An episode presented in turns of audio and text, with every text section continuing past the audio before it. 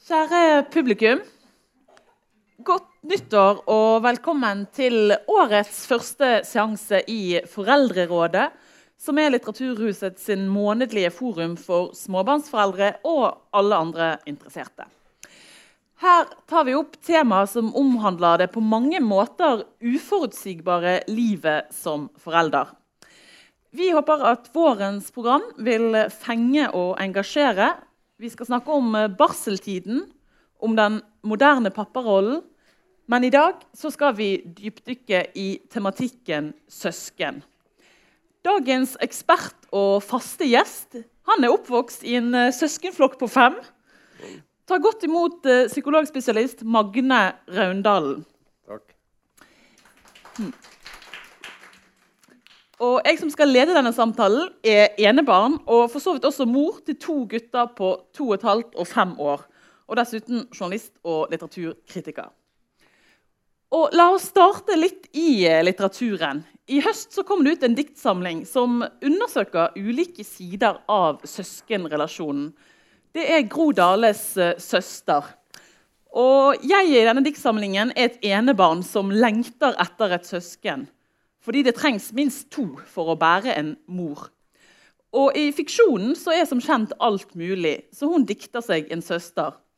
Og Her kan vi lese dikt om både samhold og støtte, om krangel og slåssing.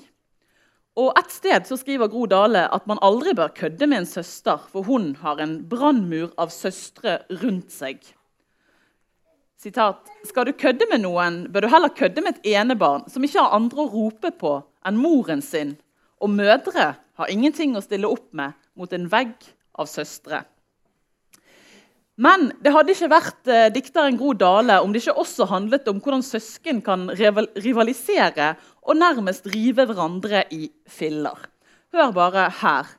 For søstre salter hverandre ned, safter hverandre i store kjeler, så dampen står i stua, moser hverandre i stykker, pisker hverandre opp i skum, stopper munnen på hverandre med loff, freser hverandre i smør og olje, svir restene svarte, brenner kantene, slik bare søstre kan, slik bare søstre gjør. Da er det bedre å skaffe seg en lysegrønn undulat i et bur. Eller en litt for stor pute til sofaen. Ja, jeg tok med disse diktene fordi de viser frem søskenforholdet som komplisert og mangefasettert relasjon. Men hva er det egentlig vi som foreldre kan gjøre for å unngå at barna våre nettopp safter hverandre i store kjeler, for å sette det på spissen med diktet? I dag skal vi snakke oss gjennom ulike utfordringer ved søskenrelasjonen. Og La oss starte med begynnelsen. Det lille barnet som blir bror eller søster. Så Magne, hva vil det si for et lite barn å få søsken og plutselig ikke være eneste sentrum for oppmerksomheten lenger? Ja, Det uh, kan være et sjokk. Mm. Det kommer litt an på. og Det er jo noen barn som har løsning også. Det var en uh, mor som fortalte meg at fireåringen hadde sagt da hun uh, kom hjem med babyen og på formiddagen, og når klokka var tre-fire, så sa fireåringen til faren at nå må du begynne å ringe. Du husker hvor vanskelig det var å bli kvitt kattungene? Ja, For da ville han at du skulle ringe til noen som ville ha det, som ville overta den nye babyen. Ja, så det var jo et slags uh, sjokk. da, Men vi kan jo se litt på hvordan uh, Se litt fram, da, så skal vi komme tilbake til starten. Men, hvordan du har det der hjemme, Silje? Eh, det er en stor undersøkelse fra California, riktignok. En av de fremste hun heter Conger med C. C-O-N-G-E-R, hvis dere vil slå henne opp på nettet. Katrine med K. Katrine Conger. Og hun sier at det er masse sammenstøt, kalt konflikter, men kan også kalles læring, sier hun. Søsken mellom tre og syv år har 3,5 konflikter i timen. Um, og så er det hjemme til deg. To- til fireåringer topper statistikken med én konflikt hvert tiende minutt. minst. Ja, minst, ja. Å komme overens med en søster eller bror kan bli en ganske frustrerende affære. Så en får vel si, da Jeg, trøste trøster deg med han eh, niåringen som skulle lese Det fjerde bud. som lyder 'Du skal hedre din far og din mor'. Men han, eh, det var ikke noe kjent ord for han dette hedre, så han sa 'Du skal herde din far og din mor'. og det er det de holder på med. Men hvis vi eh, går til starten, da, så Ja, da kan jeg faktisk si at jeg fant en hovedoppgave om akkurat det. Um, som var skrevet 'Hvordan jordmor kan forebygge søskensjalusi'. Um, den var ikke vanskelig å finne, fordi at um, den sto i min uh, egen bokhylle. Og så tenkte jeg at jeg får snakke litt med forfatteren også, for det var min datter som er jordmor. Så hun skrev om dette for 20 år siden. Og hun har vel tre hovedpunkter. og det er å, det å få en eh, søster eller bror, det betyr noe på behovssiden. Det blir en reduksjon og en mangel på behovssiden. Og den gangen, for 20 år siden, så var det jo behovsbarnet som var det store. Vi skulle eh, tilfredsstille barns behov og barns behov, og det sto i alle offentlige utredninger om barns behov. Men hun legger mye mer vekt på det nye barnet faktisk, som kom da omtrent 96-97, bl.a. med Hillary Clintons bok 'Det skal en landsby til å oppdra et barn', altså forskerbarnet. Og dermed så hun, eh, vier hun veldig stor eh, eh, plass til forberedelse. Og at man kan forberede også eh, i løpet av svangerskapskurset, få ideer til å forberede. og hvordan man kan besøke andre med nyfødte babyer, så de ser hva dette er. Så forberedelse, altså forskerbarnet For det, barn, eh, det nye barnet fra 90-tallet, eh, det var barn som studerer og forsker og trekker sine konklusjoner. Og de er opptatt av en eneste veldig viktig ting. Hvilke konsekvenser har dette for meg? Ja. Og så har hun da delt inn i det hun kaller deltakerperspektivet. Og det går igjen også i den nyere forskning. Dette med at det blir mindre på den store. Hvordan kan vi balansere dette? Eh, det er mye som kan forebygges ved å forklare, så en er forberedt på det som hender. Og så er det da hvor, i hvilken grad kan vi delta. Og da hadde jeg lyst til å fortelle hvordan hun Ehm, da var jeg som far ganske stolt. Hva hun innførte på fødeavdelingen i Stavanger da hun var i turnus, det var at hun innkalte alle søsken på fødeavdelingen som var over to år.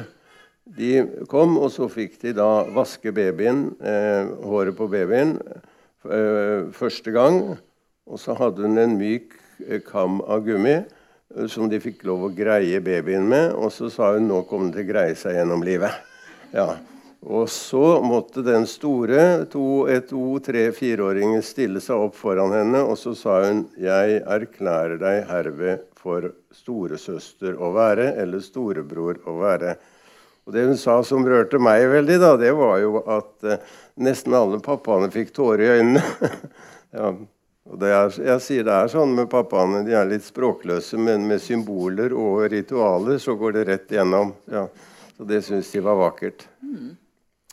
Ja, Du sier mye interessant der, men, men eh, helt tilbake til Du kaller det et, et et sjokk da, det, for det lille barnet å plutselig oppdage at man ikke er alene. Altså, kan vi virkelig forberede barnet på at uh, nå plutselig kommer det en til? Eller hvordan ser det ut fra barnets ståsted at uh, det plutselig kommer et fremmedlegeme inn i huset som skal være der? da? Det er veldig mye en kan forklare barn, og barn forstår mye, mye mer enn man skulle tro. Jeg kan jo da i en parentes fortelle om da jeg strøk i barnepsykologi foran mitt eget barnebarn. For det er tre søsken. Uh, fem og tre og halvannet. Og vi hadde noe som heter husmøte, og hva vi skulle gjøre denne søndagen. Og eh, det var eh, da sto på om vi skulle gå opp i skogen vår, som vi kalte det, eller om vi skulle gå til bekken. Og, og så var det fram og tilbake. Og så hadde vi bestemt det. For da, på, på, dette husmøtet så hadde vi et ritual at du måtte rekke opp hånden, og så sa jeg jeg vil ha ordet. Og så sa jeg Ulrik vil ha ordet, og August vil ha ordet. Og så rekker halvannetåringen opp fingeren og sier 'Vil ha ordet'. vil ha ordet, sa han. Og så sier jeg, 'Aksel vil ha ordet. Hva vil du si, Aksel?' 'Bekk', sa han. Ja. Og det var halvannet år. Og da tenkte jeg nå strøyker jeg i barnepsykologi. Så det å forklare, og eh, både ved å vise i bøker, men kanskje veldig eh, nyttig dette med å besøke andre med babyer, og at det skal vi ha også. Men det var jo fireåringen som sa da de skulle få baby til jul. Og så spurte moren om han ønsket seg Den var den gangen man ikke visste om han ønsket seg gutt eller jente. Og så sier han hvis jeg kunne ønske meg hva som helst, så ville jeg heller ha en gravemaskin. Ja. ja. Du nevner jo det fra Gunvor sin hovedoppgave at det er viktig å, å ansvarliggjøre eh, dette store barnet og la det på en måte bli en, en deltaker i dette da, ja. og bli inkludert. Er det, er det, andre ting vi kan gjøre når eh, barn nummer to eller tre har, har kommet hjem, da, for at uh, dette skal uh, gå så friksjonsfritt som det er mulig i en sånn situasjon? Ja, det er jo ganske mange ting en kan gjøre, men akkurat det du sier nå, tror jeg det er mye å vinne på, fordi at eh, barn er forskere, som jeg sa, og de er ute etter å finne sin rolle. Altså vi, vi, tenker helt konkret på at her er det en ny rolle som heter storesøster. Hvordan skal vi hjelpe å bygge denne rollen med ansvarlighet og med oppgaver og med deltakelse? Istedenfor eh, gå ut og leke, du, og eh, gå til pappa, du, eller gjør det. Ja, det, det, tror jeg, det, tror jeg, er en eh, nøkkel. Men så er det jo mange ting som en kan, kan gjøre. Da. Og det, det, er jo klart også fra litteraturen at de store, både tre- og fireåringer, kan, de kan jo gjøre skadelige ting. Mm. En eh, bestemor fortalte meg nå eh, fra sitt eget barn og barnebarn at der var det en fire måneder gammel baby, og så hadde treåringen fått lov å leke med henne inn i storsenga. Veldig kontrollert, og moren så stadig inn der. da. Og så plutselig så ser hun at hun legger dyna over han. Og far inn og så sa du må jo ikke pakke han, han får ikke puste. Og så sier vi treåringen han lever ennå, sa han. Men eh, det er, det er eh, selvfølgelig veldig uh, mye en kan gjøre, og noe av det som foreldre gjør helt automatisk. Men det kan være viktig å være litt systematisk på. Det er at man sørger for, og det er en av de rådene som blir gitt i den avhandlingen også, at man prøver at de ikke sover på samme tid. Det kan jo være veldig fristende å få de til å sove på samme tid, men slik at man da kan ha alenetid. Og at man finner ut av Eh, hva, eh, hvordan kan mamma ha alenetid med den store, og hvordan kan pappa ha alenetid med den store? Mm. Ja, hvordan kan vi være familie også litt sånn som før? Ja. Mm.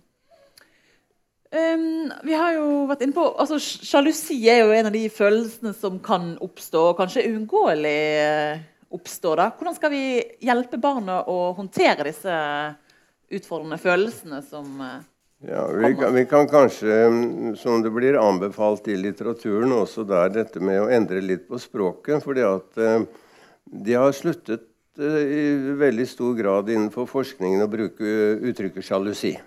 Begrepet sjalusi. Eh, man bruker rivalisering isteden. Eh, for sjalusi, det er også da litt tainted, som det heter på engelsk. Litt farget av at det er litt skammelig. og eh, Eh, egoistisk osv. Sjalusibegrepet. Men rivalisering er noe annet. Og jeg lærte også fra latin at eh, rivalisering kommer av rivalis, og det er et gammelt ord for konflikt om drikkekilden. Så da, da er det eh, rivalis. Det er noen som har tatt drikkekilden fra meg. Ja, men hvis man da ser på drikkekilden litt stort, da, som det som jeg får tilfredsstilt mine behov fra, at man rivaliserer om det. Men hva var det du spurte om? Jeg spurte om eh, ja, hvordan man best kan uh, takle følelser som nå er lært ikke skal hete sjalusi, men rivalisering. Altså at, dette, at storebror eller storesøster føler seg da tilsidesatt da, og, og, reagerer med, ja, ja. på ulik vis med, for å vise på en måte sinne eller uh... Ja. Altså det, Der vil jeg vel si som gammel barnepsykolog to ting. Det ene det er at uh, man skal bekrefte barns følelser. Ja, 'Nå er du lei deg.' Ja. Det, det, 'Nå syns du dette var dumt.' Altså, man, man øh, skal ikke si at 'nå skal du være glad som har fått en frisk og fin lillebror'. 'Nå skal du glede deg sammen med oss.'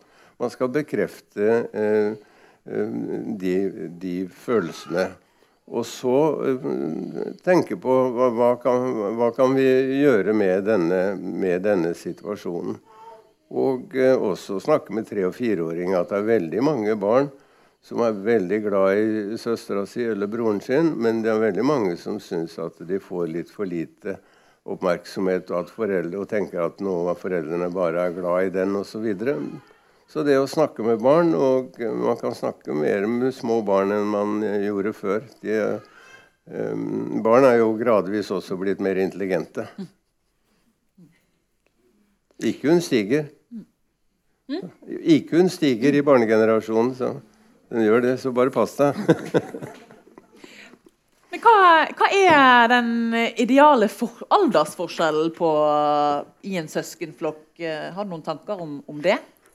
Det eh, er vel den foreldrene velger, holdt jeg på å si, som er den eh, ideelle for den passe familien. Men jeg så da fra 90-tallet så var faktisk da søsken eh, et sted mellom tre og fire år i gjennomsnitt. Men det tror jeg eh, Vi fant ikke noe statistikk, min datter og jeg, men det tror jeg har sunket noe.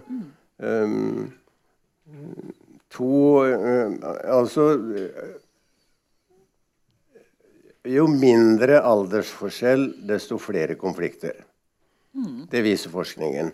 Men så er det spørsmål Hvis vi byttet ut konflikter med et annet ord, f.eks. læring ja. Jo mindre aldersforskjell, desto mer læring på begge parter. Eh, og det som kanskje er, er, er viktig, da, at, som, er nytt, eh, som, er litt nytt i litteraturen da, det, Disse konfliktene, som også er rivaliseringer, og um, som også sikkert har elementer av den som kunne passe bedre med det gammeldagse sjalusibegrepet. Vi kan ikke helt parkere det, men det er bra å nyansere det litt. Eh, det, det, tror jeg jo da at uh, Det som er nytt, det er at man har gått fra den gode gamle rådet, som også var ganske støttet av forskere. Det var at man skulle gå fra barna i konflikt og la de ordne opp selv. Det har man gått mer og mer bort ifra og uh, kommet med ganske mye uh, alvorlige betraktninger i forskningen. fordi at hvis det dreier seg om en stor en, den store som stadig dominerer den lille Hvis vi tenker nå at nå er de blitt to og fire år eller fire og seks år, og så er det seksåringen som hele tiden har makta og dominerer den lille, Eh, og så bare går man fra, og så da regner den store at eh, han, fått, han eller hun har fått godkjent atferden sin. Det mm. er jeg som har makta. Så man skal gå inn i noen av disse konfliktene. Så kan voksne gå tilbake og, og um, tenke hva kan de lære av dette. Ja. ja. for Du sier jo det at er en konflikt hvert tiende minutt. Så jeg merker i mitt eget liv at det er vanskelig liksom å å gripe inn eh, hele tiden. Og, og, når er det man bør eh, gripe inn? Det går an å være konkret på, på det? Um, jeg tenker, jeg tenker, at man uh, At man skal se det litt over lang. Ja. Man skal tenke at Hva er det som ikke er bra for den lille? Det som ikke er bra for den lille, det er å bli konstant dominert av den store det er å bli mobbet av den store. Og det har man kommet eh, mer inn på i den seinere tid, med mobbing og skadelige eh, elementer i søskenforholdet. Eh, og det som kanskje er det mest skadelige fra psykologilitteraturen, det er hvis den minste tydeligvis lever med frykt. Med, og det behøver ikke være sånn frykt for diktatoren, altså, men med en konstant moderat frykt, frykt, det er skadelig. Og det er skadelig, for da får den minste en eh, styrking av kortisol. Det blir produsert noe kortisol hvis man blir da engstelig og redd for den store for det at nå skjer det og det og det, så får man litt mer kortisol, og så føler man seg litt bedre og kanskje klarer å ta imot litt grann også. Uh, og det er helt fint, men den, hvis det vedvarer denne økte kortisolen, så skader det svakt, men det skader uh, hippocampus, som er sentral for hukommelsesfunksjon. Så en kan jo si, enten det er frykt i hjemmet, det er frykt i barnehagen eller frykt i skolen, så er dette å leve med konstant frykt, det er skadelig. Og Det har kommet en ny rapport nå som vi er nødt til å gå litt mer igjennom, om at ettåringene har høyere kortisolnivå i eh, barnehagen. En litt større norsk eh, Eh, undersøkelse hun, eh, som har eh, kjenner jeg, Hun heter Drugli. Nå husker jeg ikke fornavnet hennes, men det er UGLI. Det er bare helt nylig den kom. Men det kan også være tilfellet i søskenforhold. Man, og da skal man se det litt over lang. Er denne toåringen, treåringen, er det for mye frykt i reaksjonene fra, fra den personen? Er det noe som vi burde få dempe her? Og da skal man gjøre det. Mm. Ja. Mm. Men for også snakke litt om eh, den positive effekten ved det ha søsken. Da. For nå snakker vi mye om utfordringer. Men hva er, du nevnte det med, med læring. Hva, hva, lærer man av å vokse opp eh, som eh, en av, eh, av, flere? Hva er det gode med å ha søsken? Ja, Vi kan nesten si at Men det er jo det sånn som vi psykologer tenker at vi får ta problemene først. Mm. Men hvis vi ser det store bildet så er det nesten bare positive effekter av å ha søsken på kort sikt og på lang sikt. Og det er eh, positivt for den store, og det er positivt for den lille. Så, og den store blir eh, generelt Men det er ikke store forskjeller. Men eh, det Storebror eller storesøster er vanligvis litt mer intelligent enn de andre. Også enebarn, sa du? Også enebarn, selvfølgelig. da. De, de, jo, de, ligger jo helt langt foran. Ja. Men vi andre som har um, levd opp i en indianerleir, vi har lært oss mange ting, da. Mm. Som uh, de andre ikke har fått med seg. Ja, hva, hva, eh, slags Men, uh, ferdigheter er det man lærer? Ja, nå skal du se, det var en stilig liste her, ser du. Uh, det er jo først og fremst sosiale ferdigheter, da. Og i det moderne samfunn eh, så har jo da sosiale ferdigheter og sosial kompetanse spilt en større og større rolle for at vi skal finne oss til rette senere i, i skoleverket og ellers. Og at man er sosialt kompetent, det er, det er um, minst sidestilt med IQ og andre ting.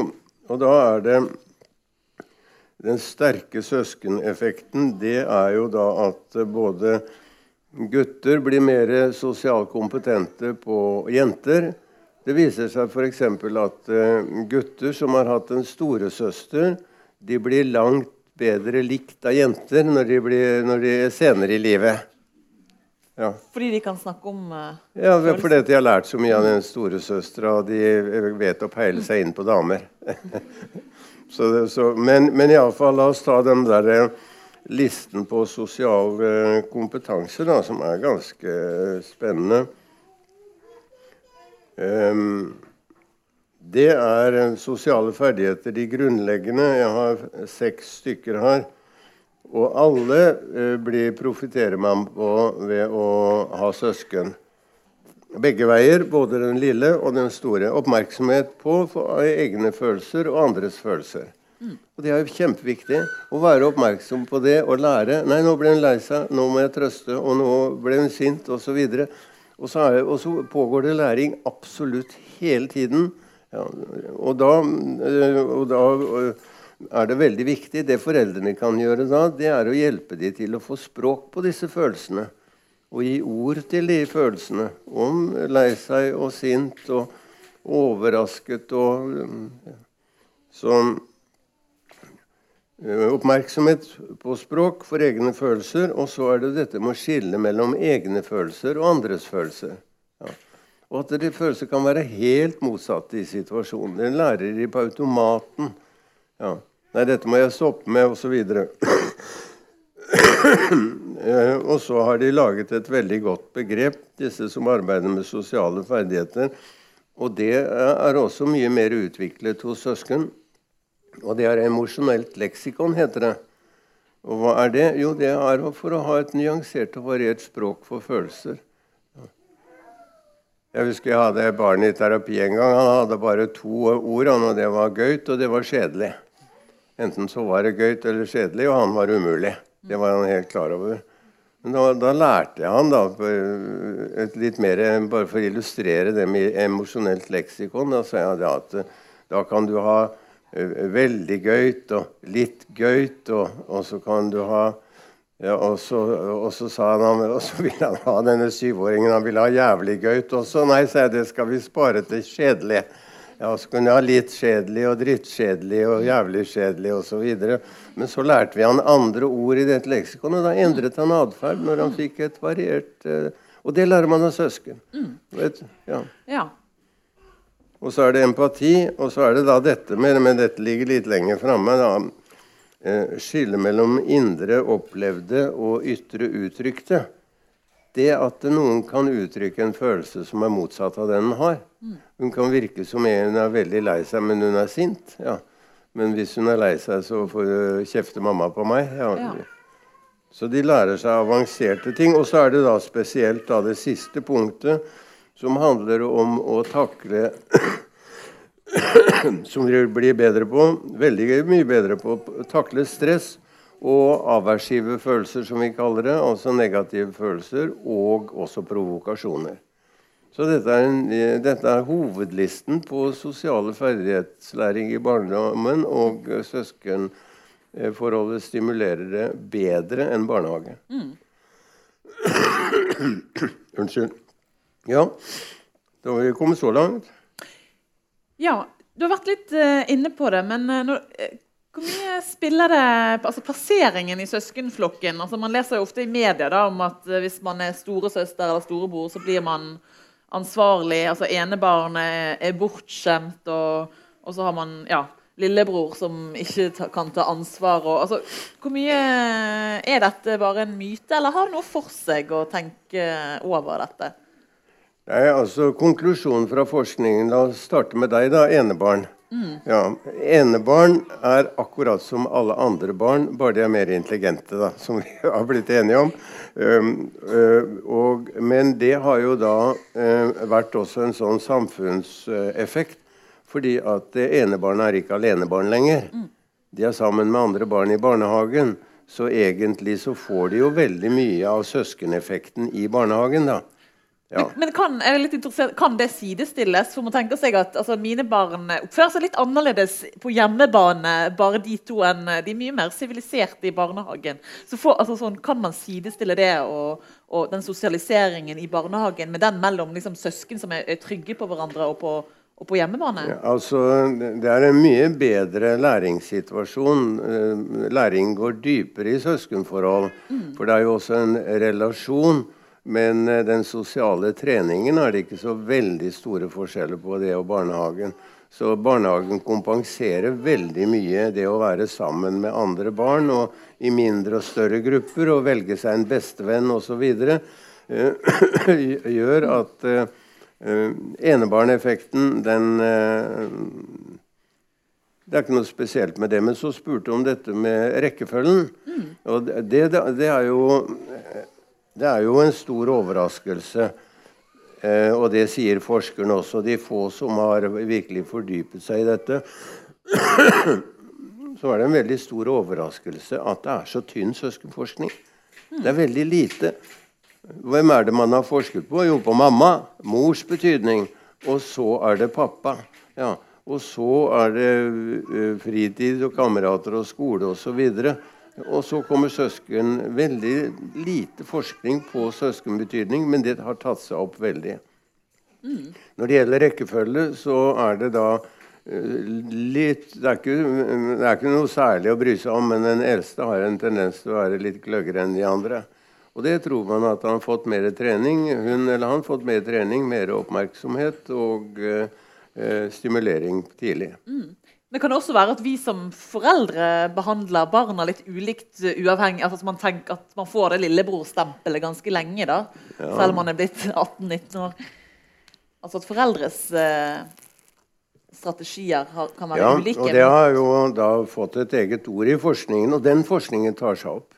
Og den eh, skal vi være litt våken for, men, um, og de diskuterer da fordi at eh, eh, i, i forskningen så er det jo to eh, poler som skal møtes, eller to områder som skal møtes. Og det ene, det er sosialisering, dvs. Si oppdragelseseffekten av hvordan du og mamma og pappa er, og hva som skjer der hjemme. Og det andre er evolusjonspsykologien, hva vi har med oss i bagasjen når vi blir født, som evolusjonen har eh, laget, og som de også var revolusjonen lagret her oppe. Og da kommer et stort forskningsfelt som heter favorisering. Og da er spørsmålet om favoriserer foreldre et av barna? Ja. Hvor høy er favoriseringsprosenten? Og den tilskriver forskerne veldig mye evolusjon. Altså, Vi er noe programmert til å favorisere den av barna som er mest å satse på. Nå skal vi se hva de skriver her. Hvis jeg finner i full fart da, i analene mine her. Men de, de, de, gir, eh, de gir revolusjonen skylda, ikke foreldrene, for favorisering. Men det er jo eh, ganske høy prosent av favorisering. Lå litt høyere hos fedrene enn hos mødrene, tror jeg. Vent litt, da.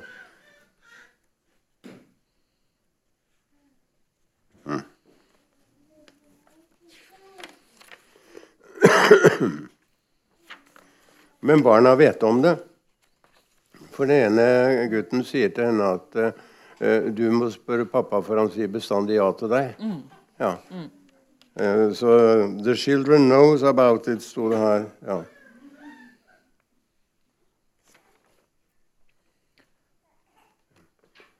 Um, enorm, ja, ganske utbredt favorisering hos foreldre. Evolusjonen har gitt beskjed om hvem de skal satse på. The kids know what's going on. Du spør pappa, for han sier mest ja til deg. Um, Susan McHale ved Penn University, Penn State, er den som har forsket mest, og, og hun konger også. 66% av mødrene og 70% av fedrene hadde en favoritt. Dette er studiet av 384 søskenpar tre ganger over tre år. Den eldste fikk mest. Ja. Men eh, hva kan man gjøre med det da som forelder, hvis man på en måte har en be ja, bevissthet uh, om det? Ja, ja, også det, det man kan eh, gjøre, det er jo selvfølgelig Du brukte jo stikkordet bevissthet. Å bli mer bevisst på det. Og snakke, snakke åpen om det.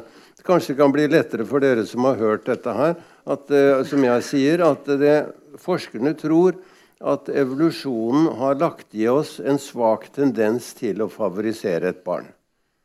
Ja, hvordan skal jeg da som far og bestefar passe meg så jeg uh, ikke går evolusjonsvei, men uh, går rettferdighetens vei og blir mindre favoriserende og tenker igjennom dette? Og hvordan kan vi som foreldre ha så åpen kommunikasjon at vi kan kommunisere om favorisering? Ja, for vi er jo tenkende, rolige, forstandige og intelligente mennesker. Forhåpentligvis. Forhåpentligvis, ja. Men, Ja, eh, men man har blitt bedre intelligente med årene.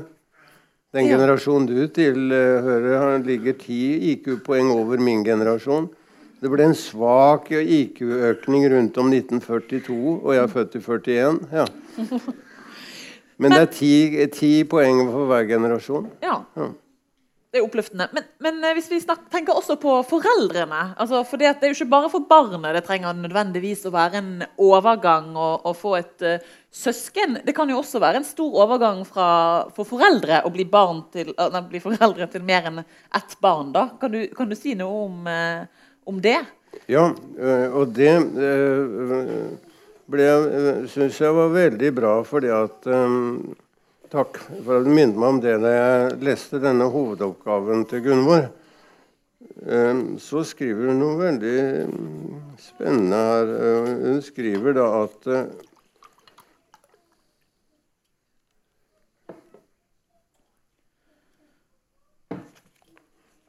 Ja, jeg husker det, men jeg tenkte jeg skulle sitere det direkte. Hun skriver det at uh, dette med søskenrivalisering Hun bruker allerede rivalisering og sjalusi om hverandre. Men dette med søskensjalusi og rivalisering er også et utgangspunkt for å snakke om det virkelig store som har skjedd. Nemlig at det er en hel omveltning av familien når man blir flerbarnsfamilie. Det, det, er et slags eh, sjokk som man ikke har tenkt over. Man tenker at ja, nå får vi ett barn til, og så har vi, har vi, foreldre sånn som vi var til det første. Men nå har man blitt en flerbarnsfamilie, og det betyr noe for morsrollen, som skal tilpasses på en annen måte, og det betyr noe for farsrollen. Og den gangen så var det jo ikke noe så tett med barnehager heller, som kunne dele på omsorgskjeden, så det var vel en større omveltning eh, da. Og nå er det jo da eh, farspermisjon og morspermisjon og fordelingen av disse. Hvordan gjør vi alt dette? Så, så, Det er den store omveltningen og den store revolusjonen som har skjedd bare på veldig kort tid. Den helt nye familien hvor begge er lønnsmottakere i det store og det hele flertallet. Begge er eh, arbeidende lønnsmottakere, og så skal de da eh, først ha ett barn, og så går det, og så skal de bli flerbarnfamilie. Og hva blir farsrollen nå, og morsrollen nå? Det har vi lite oppskrifter på. Så det må hver enkelt prøve å finne av. Det burde vi diskutere litt mer. Ja, kan du være enda mer konkret på hva, hva disse utfordringene kan bestå i? da? Ja, altså, jeg vil jo si da og, eh, at uh, er det noe som har uh, overrasket meg og som har gledet meg mest som gammel barnepsykolog, så er det fedrenes inntogsmarsj. Hvis du hadde sagt til meg for 30 år siden at fedrebildet ville se sånn ut i 2015 som det gjør nå, så hadde jeg bedt deg våkne opp av drømmene dine. Ja, for det, det, det, øh, så det har jo da skjedd, og det skjer veldig mye også ved at de tar permisjon, og at de er i omsorgsrollen og ser hva, hva dette er, og også får sin eh, tilknytning. For det, det som skjedde tidligere, da, det var at flerbarnsfamilien Eh, ble ytterligere eh, ble kjønnsforskjellene og pliktene og oppgavene forsterket. Altså eh, Småbarnfedrene hadde lengre arbeidstid, og småbarnmødrene hadde bare deltid. Og de ventet veldig mange på 70- og langt opp i 80-tallene. Så gikk ikke kvinnen ut i arbeidslivet før barna var i skolealder. Ja. Så, så, her er det mye å, mye å snakke om. Og så frykter man jo hele tiden, da. Men verden har jo virkelig gått framover. Og eh, all honnør til fedrenes inntogsmarsj har gått framover. Men man er jo hele tiden engstelig for backlash, da. Ja. Jeg blir jo, jeg også. Jeg blir jo fortsatt kalt eh, gammelfeminist av barnebarna mine. Og et av barnebarna mine som hadde blitt spurt på skolen, han gikk i annen klasse, hva morfar drev på med. Nei, han er gammelfeminist, hadde han sagt. Ja, hvem, Hvordan vet du det, da, sa læreren. Nei, det har mamma sagt. Ja. Ja. Eh, vi skal også ha litt tid eh, til å ja. få spørsmål fra salen. Så bare tenk dere om hvis dere har noe som dere eh, lurer på, eller noen innspill. Men et siste spørsmål foreløpig kan jo være altså, Hva med søskenforhold når man blir voksne. Altså, for man ser jo det at no, altså, noen får jo da, blir søsken til evig tid og har varige og, og, nære relasjoner, mens andre står veldig fjernt fra, fra hverandre og har eh, ikke kontakt, eller det kan være preget av altså, vanskelig kommunikasjon. Eh, vil du si noe om hva, ja, hva, hva man kan gjøre for å, at søsknene skal eh, få varige bånd, eller hva er det som Har man noe forskning på når, eh, når søskenforhold blir gode over eh, tid? Eller er det, er det arv og, eller miljø, eller hva som det er iallfall en positiv tendens. og um, Katrine Konger har jeg sitert her. Hun, en av de fremste. Hun har også sett på livstidsforløp og mm. søskenforhold. Og jeg vil sitere på engelsk først. så The greatest gift of the sibling, altså søskenforholdets store gave, is that while warmth grows over time, the conflicts often fade. Mm. Så varme og eh, tilhørenhet og kjærlighet, søskenkjærlighet, den vokser over tid, og konfliktene de for, forsvinner eh, i veldig stor grad. Eh, det er lite forskning, men geografi betyr en del. Da, hvis det, Søsteren er sykepleier i Mandal, og eh, broren er lærer i Hammerfest, så, så, er det med på å bestemme at søskenforholdet i noen grad blir hemmet av geografien. Ja. Men eh, generelt så er det vanskelig, iallfall fra den lille forskningen som er, er det vanskelig å predikere at eh, relativt trøblete søskenforhold som barn mm. synes ikke å henge automatisk sammen med trøblete søskenforhold eh, som voksen. Men hva med aldersforskjell der, da? Altså, er Det sånn at... Det vet jeg ikke noe om. Nei. Nei store aldersforskjellene. Men det som kan eh, Det er jo to ting som vi kan kanskje bare nevnes, og vi har nevnt det. Det er jo da eh, når eh, et søsken blir eh, langvarig syk, mm. det kan bli veldig problematisk. Det kan føre til at en av søsknene går inn i en veldig omsorgsrolle og blir mer omsorgsfull person, og også blir mer knyttet til den syke broren når han blir frisk. Ja, at det blir et tettere forhold. Men det kan også gå like fort den andre veien. Ja. Så dette med, eh, Det er gjort en del forskning på syke, eh, langvarig syke barn og kronisk syke søsken og funksjonshemmede søsken. Og Der er bildet veldig blandet, og det henger sammen, mye sammen med ressursen i familien for øvrig. Mm. Ja. Mm. Men det er en påkjenning. Ja. Generelt så er det en påkjenning og en eh, brist på en del felter. da. Da tror jeg vi, at vi skal si tusen takk for uh, oppmøtet og for gode innspill fra salen. Og så håper dere kommer igjen den siste mandagen i februar. Da kommer Gro Nylander for å snakke om barseltiden. og så vil jeg si tusen takk til Magne Raundalen. Ja, takk for meg.